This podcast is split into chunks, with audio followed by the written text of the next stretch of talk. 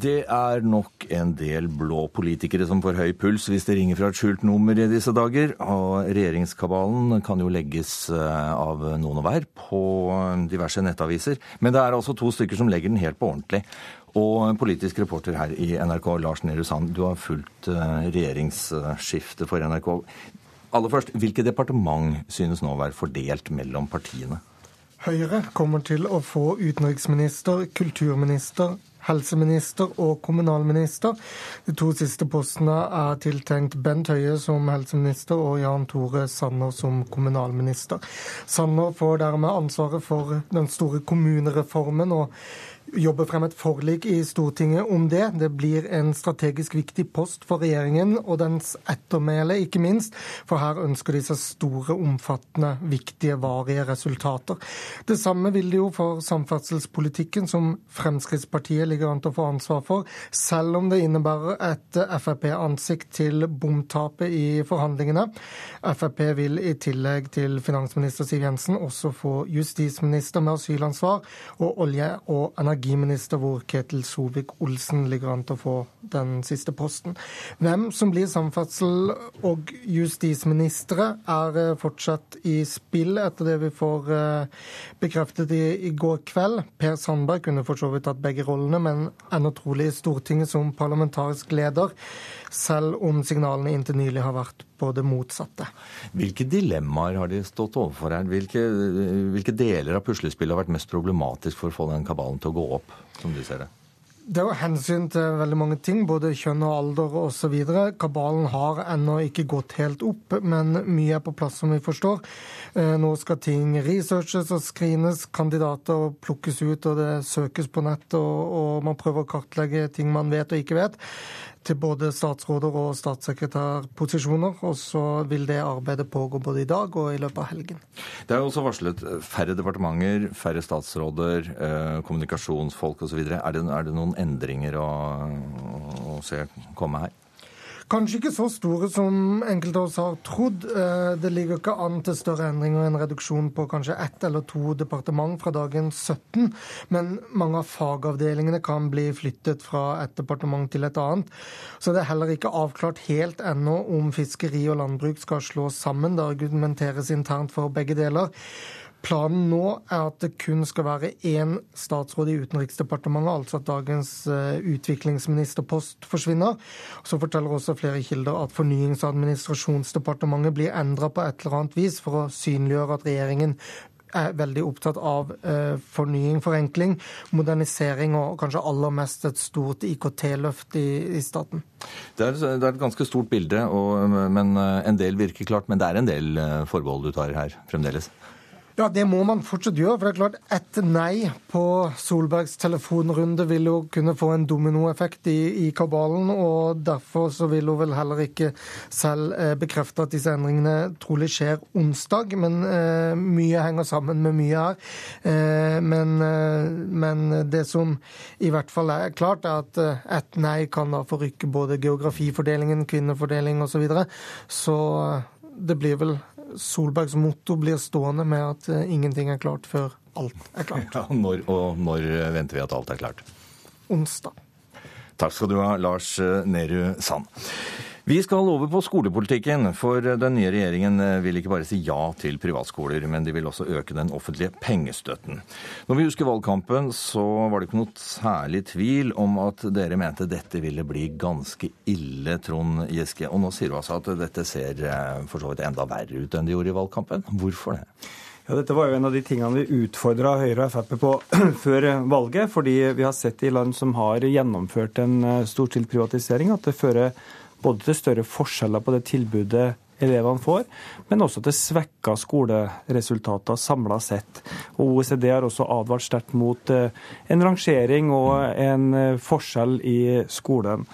Eh, og Da fikk vi til svar bl.a. fra Høyres nestleder Bent Høie, som i Aftenposten sa at hvis nyetablering av privatskoler truer sitat, én eller flere offentlige skoler, så skal de stoppes. Ja, Men det ligger jo i plattformen, nettopp dette hensynet skal tas til den offentlige stolen? I, i, i plattformen så heter det eh, helt annerledes, sitat at regjeringa skal gjeninnføre en lov om frittstående skoler. altså Da kjenner vi en mm. igjen fra 2004-2005, der kravet til formål erstattes med krav til innhold og kvalitet.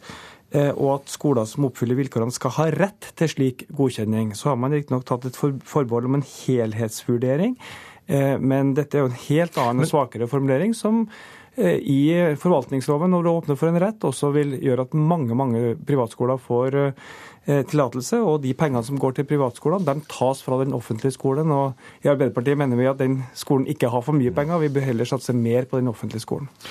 Elisabeth Aspaker, eh, fram til nå i hvert fall, utdanningspolitisk talskvinne i Høyre.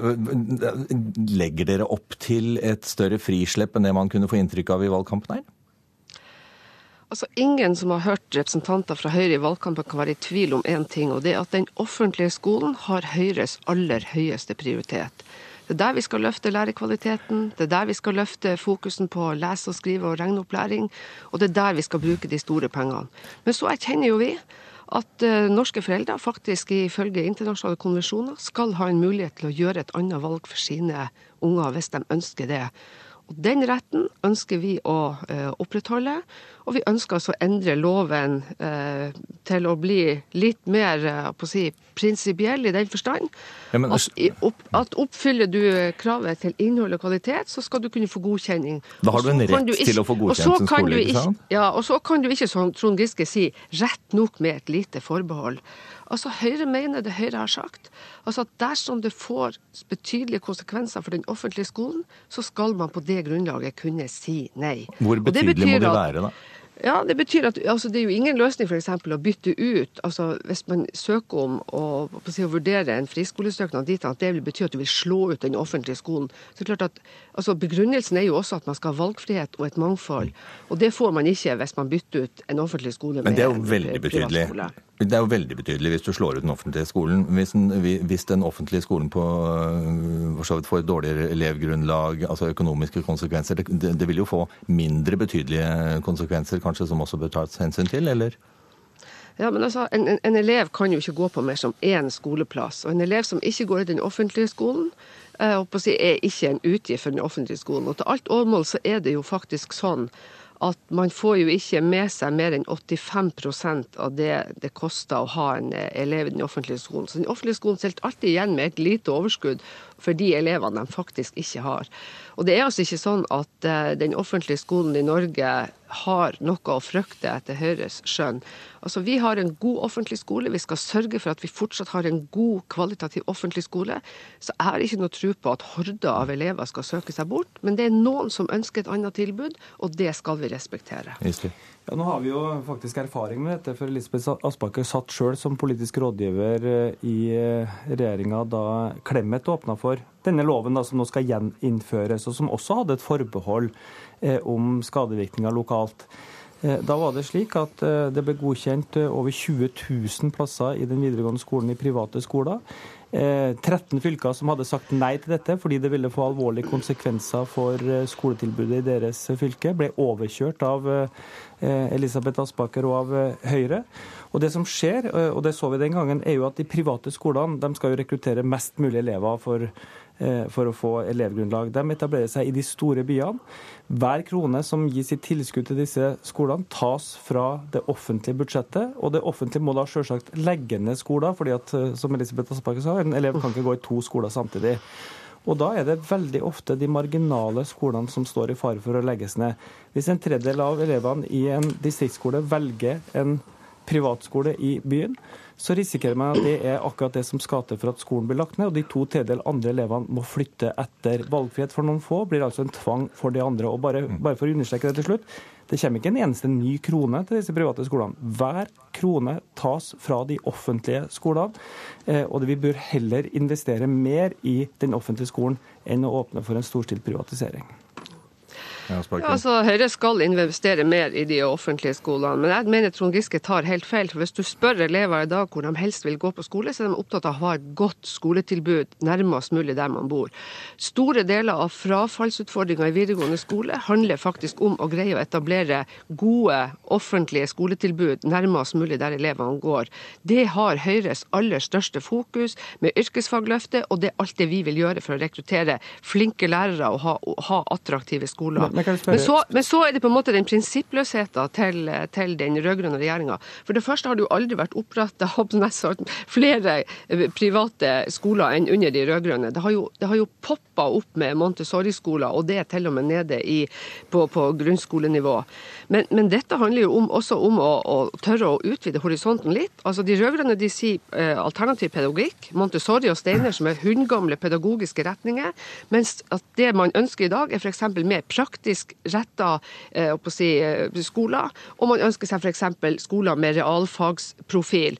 Det sier man nei til, men man heier på toppidretten, og man, og man heier på internasjonale skoler, for der har de rød-grønne ikke hatt mot til å si nei til sånne upopulære men, men det er fullt mulig i dag også å si ja hvis det er et behov som må dekkes. Men det som du innfører når du får en rett til godkjenning, er at man mister helt styringa med hvilket tilbud som gis. Og du, nei, at, og du sier at elevene velger lokalt, men problemet er at hvis den lokale skolen er nedlagt fordi en privatskole er oppretta i byen, så har man ikke ja, men, det valget. Er det, er det ikke Giske, det ikke, jo, men et øyeblikk, Aspaas. Er det ikke sentralt punkt dette med rest, en, en rettighet til å opprette en skole?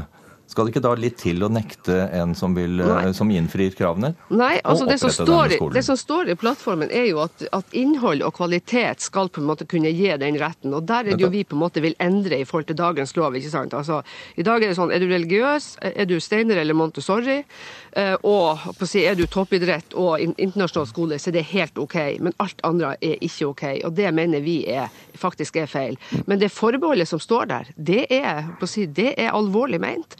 Altså, Vi skal ikke eh, rigge oss på en sånn måte at ikke det offentlige skolesystemet er robust nok til å kunne gi et tilbud det til alle de elevene som ønsker det. Det er da en ganske tydelig forsikring, eh, Iske. Tror ja. du rett og slett ikke på det? Tror du ikke de er i stand til, eller tror du ikke de vil? Det, er, det blir jo spennende å se hvordan den praktiseres, men en veldig vag formulering å si en helhetsvurdering. Mm -hmm. eh, men, eh, men dette er jo ikke en lov heller, det er jo et politisk Nei. dokument. Det, det, er en relativt generell jo, formulering. Men av forvaltningsloven så følger det at når du har fått et rett, så må du også ha likebehandling mellom skoler. Så hvis du først begynner med dette, så vil andre skoler kunne vise til de sakene som kommer foran. Men bare for å si det er to dimensjoner til her som vi må ta med. Det ene er, og det som kjennetegner en privatskole, er jo at den kan gå konkurs.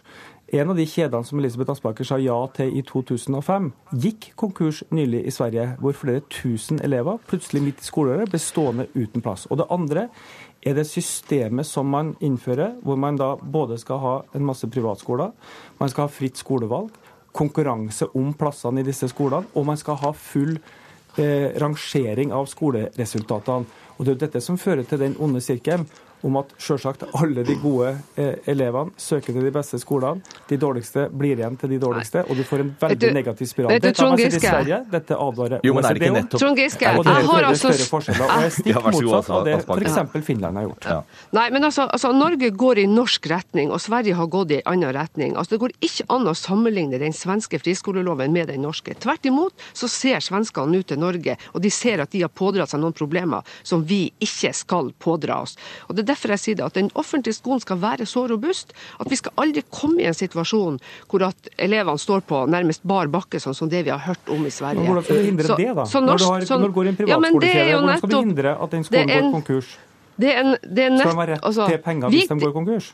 Nei, altså, Trond Giske, det er ikke det. Det kan ikke vi. altså Det må Nei, de private skolene selv, det må de private skolene selv sørge for at de driver på en så god måte at de ikke går konkurs. og Det tror jeg de faktisk er opptatt av. Men vi må være, så, vi må være opptatt av at vi har et offentlig skolesystem som er så robust at de i så fall skulle kunne håndtere ja, den situasjonen hvor ele noen elever mister skoleplasser. Da må du beholde de plassene som kan ta av de private eh, skolene sine elevplasser. Nei, men, men, men, men, ærlig talt, men, også Trond Giske, nå har, nå har det vært veldig mye snakk om skole. Du har altså fått nå et politisk dokument hvor det, hvor det, som inneholder to eh, ting som man må tro er vesentlig. Og Det er at eierne ikke får ta utbytte, og denne regelen om det offentlige skoleverket. Er det, er det da grunn til å tro at dette blir så ille? Erfaringa fra 2005 var at det ble veldig ille. Det var bare regjeringsskiftet i 2005 som hindra at veldig mange offentlige skoler ble lagt ned. Vi får se hvordan dette blir gjennomført, men vi skal i hvert fall kjempe mot at vi får samme resultat som i Sverige, og samme resultat som i 2005. Takk skal dere ha. Det var det vi rakk eh, i Politisk kvarter. Takk til Trond Giske og Elisabeth eh, Aspaker. Det var Politisk kvarter. Jeg heter Alf Hartken.